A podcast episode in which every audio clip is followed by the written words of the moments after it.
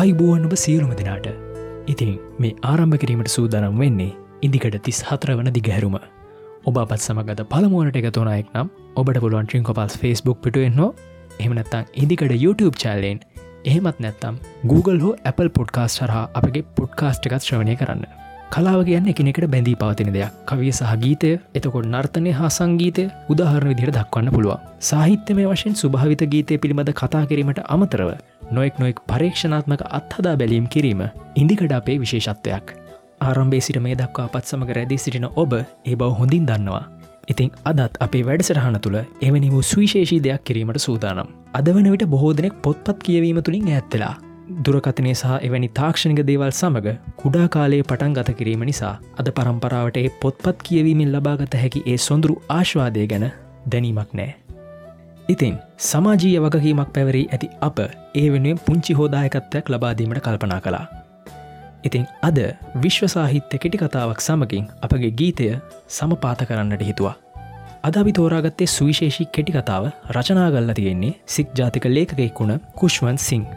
මෙය සිංහලයට පරිවර්තනය කළේ පරාක්‍රමේස් විජයවර්ධනයන් විසින්. ඒ සමගම අද අපේ ගීතය ගායනා කරන්නේ විශාරද දීවිකා ප්‍රියදර්ශනී මහත්මිය පදරචනය සිදුගලේ සුනිල් ආර්ගමගේ සංගීතය ආචාර්ය රෝහණ වීරසිංහයන්. ඉතිං අද අපි කතා කරන කෙටිකතාවෙන් නම කුසුම්. මදුරංග එසේ නම් ආරම්භ කරමු අද වැඩසටහන. කතා කරමු අපි මේ ගැන. කුසුම් කුමාරි හොඳ ගැහැනු ළමෙක් හොඳින් සිටීම යනු කුසුම්ට කිසිම ප්‍රතිඵලයක් ගෙන දුන්නු දෙයක් නෙවෙයි. ඇත්තටම හොඳින් සිටීමෙන් ඇයට උුණු සෙතක් නෑ. ඇය වයසින් දහට හැවිරිදි වනාට ඇයට තිබුණේ අවුරුදු විසි අටක පෙනුමක්. ඇයට හිමි වුණේ හතලිස් වයසැති මැදිවයස් කාන්තාවකගේ ලීලාවක්. ඇය මිටි තරමක් මහතයි. ඇගේ කළුපාට අණ්ඩාකාර වතෙහි වඩාත් කළුපාට වසූරිය කැලලක් තිබුණා. ඇගේ මුක්කම් නාසේ මත රත්තරං ආලේපිත උපැස් යුවලක් තිබුණා. එහි ගණකම් කාචතුළින් ඇගේ දෑස්වලට මුග්ධ පෙනුමක් ආරූට කළා. හිසකෙස් කෙටි වක්රයි. මේවා ඇගේ හිසට ඇලවෙන ලෙසට ඇය කිසියම් තෙලක් හිස ගල්වාගෙනයි හිටියේ. ඒවා හිස පිටුපසට වන්නට ගොතා තිබුණා. ඉදිරියෙන් නලලත සහ ඇහි බැම දක්වා ඒවා නැමී තිබුණා. එය කුසුම්ගේ ශාරීරික ස්වරූපයට කිසියම් ගුප්තාකාරී බවක් එක් කලා. කෙනෙකුට ඇගේ ලැම හෝ උදරය හෝ පිටුපස වෙන් කොට හඳුනා ගන්න අපහසුයි. මේ සියල්ලම තරබාරු සිරුරක ලක්ෂණ. නමුත් ඇය සුදුපාට චාම් සාරියකින් එය සරසාගෙන සිටියා. මේ කරුණු කෙසේ වනත් ඇය හොඳ නැනවත් එකියක් ඇය මහන්සි වෙලා ඉගෙන ගත්තා. බොහෝ වෙලාවක් පොතපත අතර ගෙවුණු කාලයට ඇගේ උපැස්යවලත් ඇගේ ස්වරූපයත් සාක්ෂි දුන්න.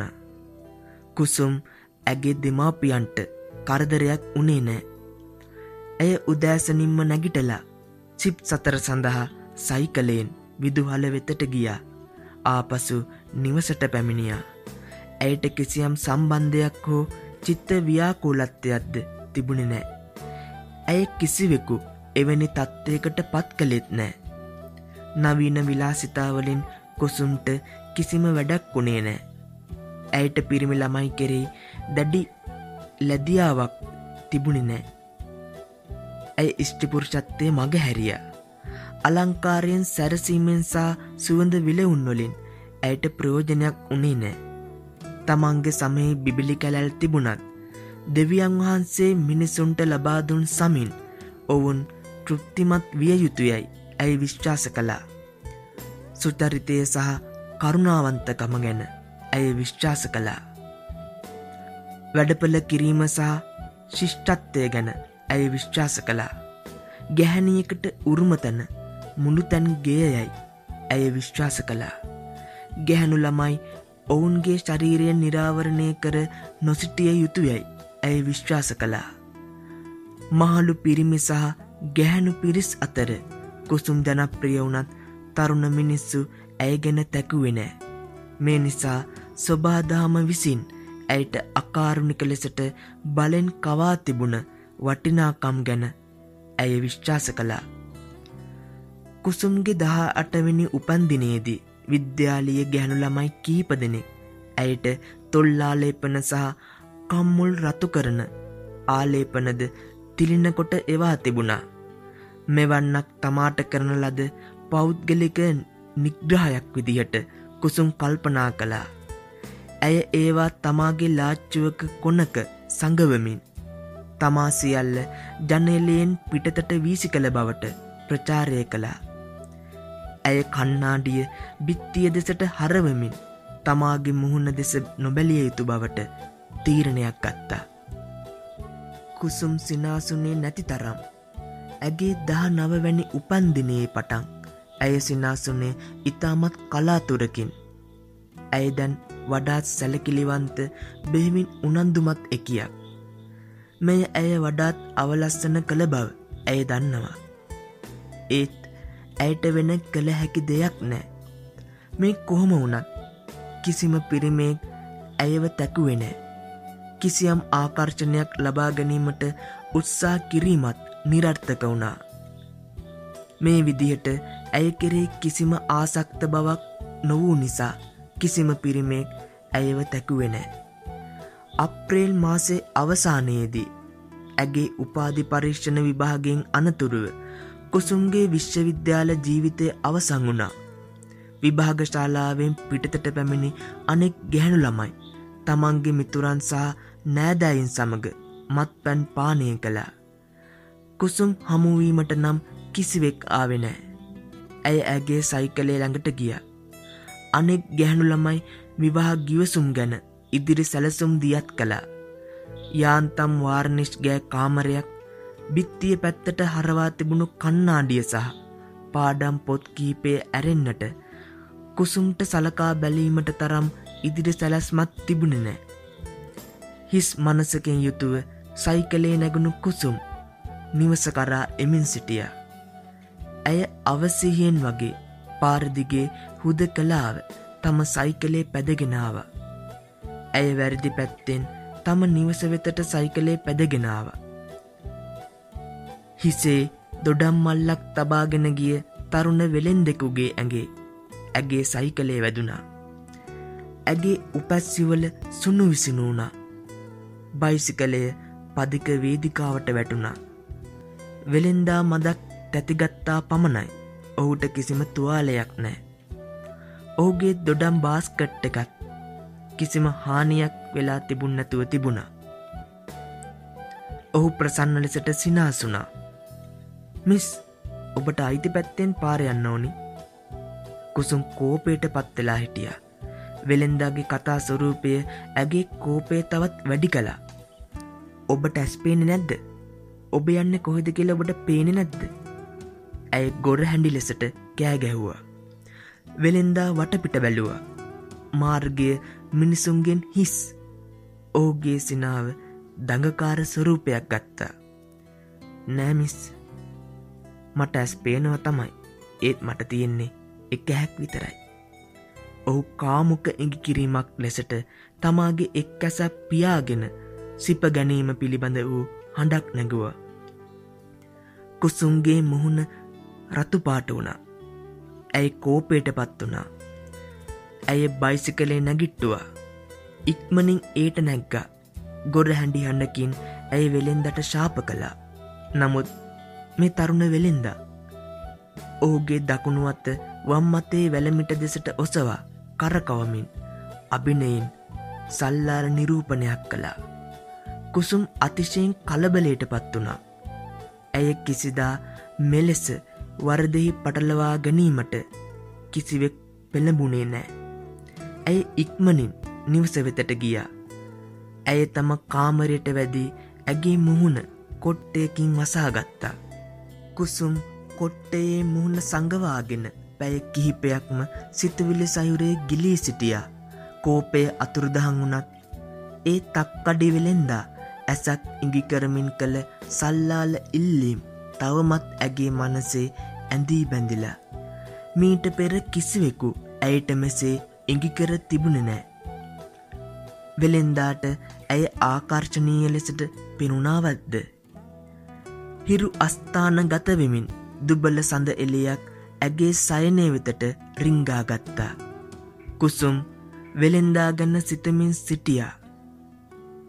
දැන් ඇය ඔහු ගැන සිතන්නේ මුදු කනගාටුදායක ආකාරයකින් වෙන්න පුළුවන්. ඇය ඇඳෙන් නැගිටිමින් තොල්ලාලේපන සහ කම්මුල් සායම් කරන සුවඳ විලේපන සඟවා තිබුණු ලාච්චු ඇරියා. ඇය ඇගේ කම්මුල්වල ඒ සුවඳ විලේපනය උලා ගනිමින් කන්නාඩිය ඇගේ මුහුණදෙසට හරවමින් මුදු ලෙසට තොල් ආලේපනය කරගත්තා. ඇය කොන්්ඩේලියා හිස සොලවමින් සිය කෙස්ටටිය විදා හැලුව. ඇගේ කෙහෙරැලි ඇගේ උරහිස් පහලට තරසරව සැරසුනා. ඇය රෝසමලක් මල් පෝච්චියෙන්ගෙන එය ඇගේ කෙස් අතර රඳවාගත්තා. පිටුපසට පියවර කිහිපයක් තබමින් ඇගේ හිස එහෙට මෙහෙට ඇලකර තම රූසිරිය නැරඹුවා.